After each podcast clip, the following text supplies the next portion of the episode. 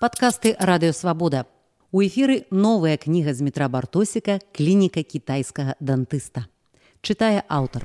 Дом творчасці часоў вялікага тэрору, заканчэнне.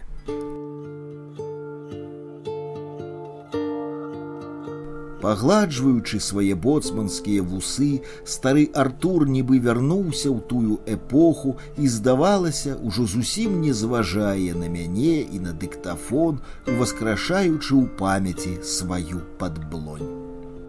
Я памятаю там нават яшчэ цішку гартнага. На другім паверсе займаў пакой сынам Олегам з дачкой Алесь Дудар, там праводзіў сваё апошняе лета перад апошнім арыштам сумны такі быў праўда ўсё ну, гуляў трохі ў волейбол але адчуваў што вось вось яго зноў пацягнуць. Ён спадзяваўся напэўна ну як старэйшыя гаварылі паміж сабой я чуў што спадзяваўся там адседзецца але забіралі адтуль непасрэдна забралі я уже не памятаю каго раней кого пазней але адтуль непасрэдна забралі андрея александровича. Это было на моих вачах а там пісьменнікі сабраліся там рэчка такая невялікая цітаўку по-моему зовецца а калі быў такі заточка такая была на тэрыторыі дома творчасці адпачынку і пісьменнікі яны ўсе былі даволі маладыя яшчэ наважыліся там рыбу сеткай лавіць И вот Андрей Александрович пошел, э, сам ходил там по этим по, по болотистой, этой потванистой э, заточце. И, как я памятаю, на ногах у его были, як их назвать, такие летние, ранее носили белые пантофли такие летние, парусиновые, что вот такие, что зубным порошком чистили.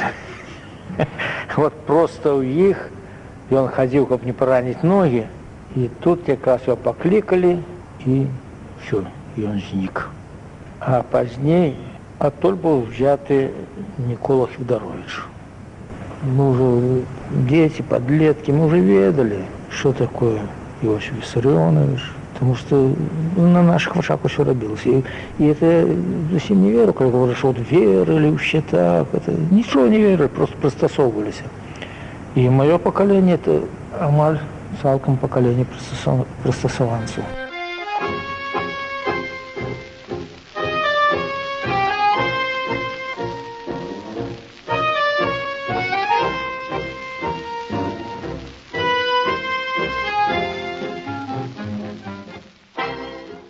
Не было ў іх ніякага шчаслівага дзяцінства. І ўсе кінахронікі з усмешкамі і гімнастычнымі пірамідамі хлусяць.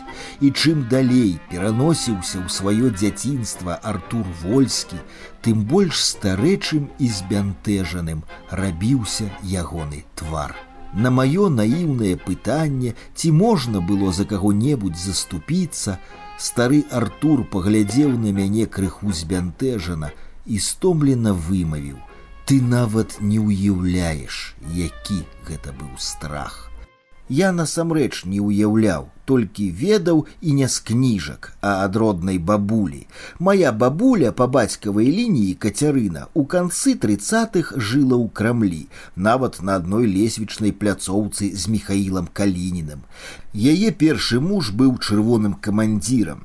Калі ў войску пачаліся чысткі і ўслед за тухачеўскім ды ўбарэвічам пачалі знікаць ніжэйшыя камандзіры, баба Каця працягвала сябраваць з яшчэ нявысланымі жонкамі ворагаў народа і была неаднойчы бітая за гэта сваім мужам.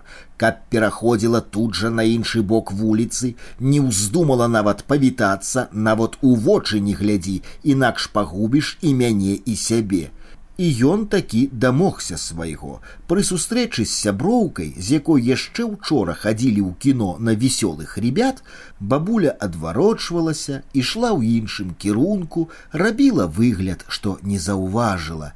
І гэта адзінае што не давала ёй спакою да самай смерти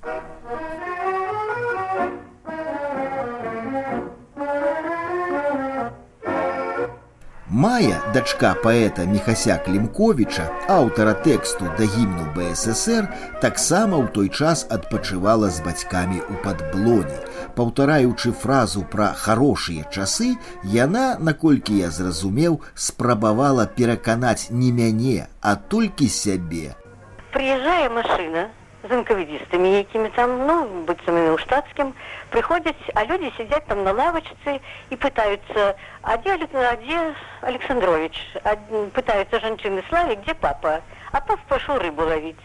Ну падаві папу. Славік бяжыць за папай, прыходзіць папа, босы, закатаных штанах, з воды, з рыбай, а яны кажуць, пройдемте, выводзяць яго, сходзяць у машыну, і все, і чалавека няма. Я сама это нічого не бачыла, дзеці разумееце неяк мы не бачылі у нас было дома что бацька таксама сабе горду перарэзаў калі бачу что будзе ему дрэнна і я таксама не ведла папа в больнице мама сказала. А я ну сестру гляжу і все это. Конечно такі ўзрост что не надто что і запомнілася потым уже война запомнілася далей калі прыйшлі праз яе а там там хорошее было. Кожную неделю приезжали письменники а так жонки с детьми гуляли часы былі хорошие. Калі не ведаць все этого страху які тады быў дзецям это было все так лёгка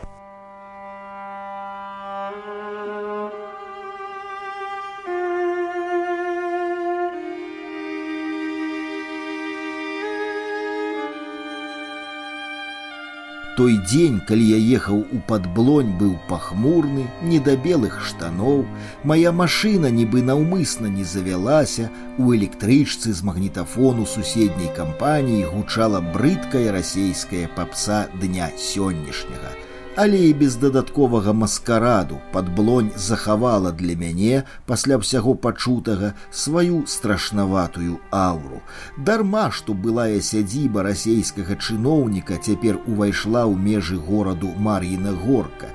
Дарма, што яе галоўны дом злучаны сілікатнаю прыбудоваю з асноўным санаторскім корпусам, тут цяпер дзіцячы рэабілітацыйны санаторый за высокім берагам рэчкі цітаўкі парослым векавечнымі дрэвамі старога парку чырвоны фасад з неагатычнымі вежамі прымусіць спыніцца кожнага выпадковага падарожніка былая дача расійскага міністра шляхоў зносін макеева пасля шэрых райцэнтраўскіх пабудоваў выглядае ледзь не старадаўнім замкам нават паўразбураныя скульптуры піянераў і школьніц пасярод пляцовак можна было спісаць на няўдалы густ яго благароддзя.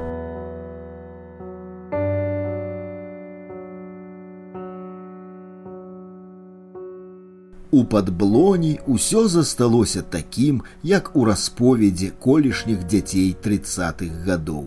І парк, і прыгожая затока, і утульны стук колаў на чыгуначным мосце праз цітаўку. Адсюль з-за дрэваў нябачна, што там робіцца па-за раем. Я прысеў на лаву пад старою ліпаю і назіраў, як гуляюць дзеці з паталогіяй апорна-рухальнай сістэмы, хворыя на цэрэбральны паралюш, паліяміліт ды розныя скаліёзы. Сярод падобных сабе, такіх самых небаракаў, яны не адчуваюць сваёй інакшасці, дурэюць, смяюцца, яны шчаслівыя, як былі шчаслівыя і тыя дзеці, што жылі ў гэтых мурах да вайны, тым самым дзіцячым шчасцем, якое не залежыць ад эпохі за плотам ці ад хваробы. Паўз мяне прайшоў задуменны хлопчык гадоў дзесяці на мыліцах, пацыент санаторыю, былой дачы расійскага міністра, былога інтэрнату маргінагорскага тэхнікуму, былога дому творчасці пісьменнікаў, былога вайсковага шпіталя. Наўрад ці гэты хлопчык ведае, што на месцы ягонага ложка магчыма тварыў пятрусь броўка, ці глебка, ці крапіва.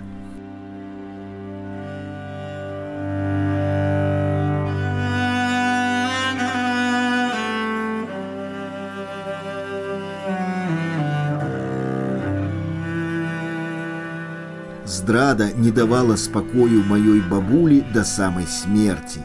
А ці магу я такое сказаць пра нешматлікіх падблонскіх пісьменнікаў, якім удалося перажыць увесь той сталінскі жах. Ці спрабавалі яны з салідарнасці падтрымаць адзін аднаго, калі не публічна, дык хоць ціхім словам пры вогнішчы, хоць запіскаю ў стол, хоць поглядам у вочы арыштаванага пры развітанні. На жаль, такіх сведчанняў у мяне няма, як няма і сведчанняў, што нешта не давала ім спакою да самай смерці, Наадварот, страх альбо жаданне быць усім дыктавала іншы сцэнар паводзінаў, няхай цябе, абы не мяне. Седзячы часам у белых штанах за куфлем піва, я ніколі не забываю, дзе знаходзіцца алесь юркоіць. Абсалютнае зло нікуды не падзелася. Ды ўсё ж наш час адрозніваецца ад таго. Про кожную несправедливость мы можем кричать у СМИ, ходить на судовые процессы, рабіць розгалас по свете, покидаючы надею нашим детям. Зло канчаткова не пераможа. Слухали эпізод з новай кнігі з метра бартосіка клініка кітайскага дантыста у выкананні аўтара.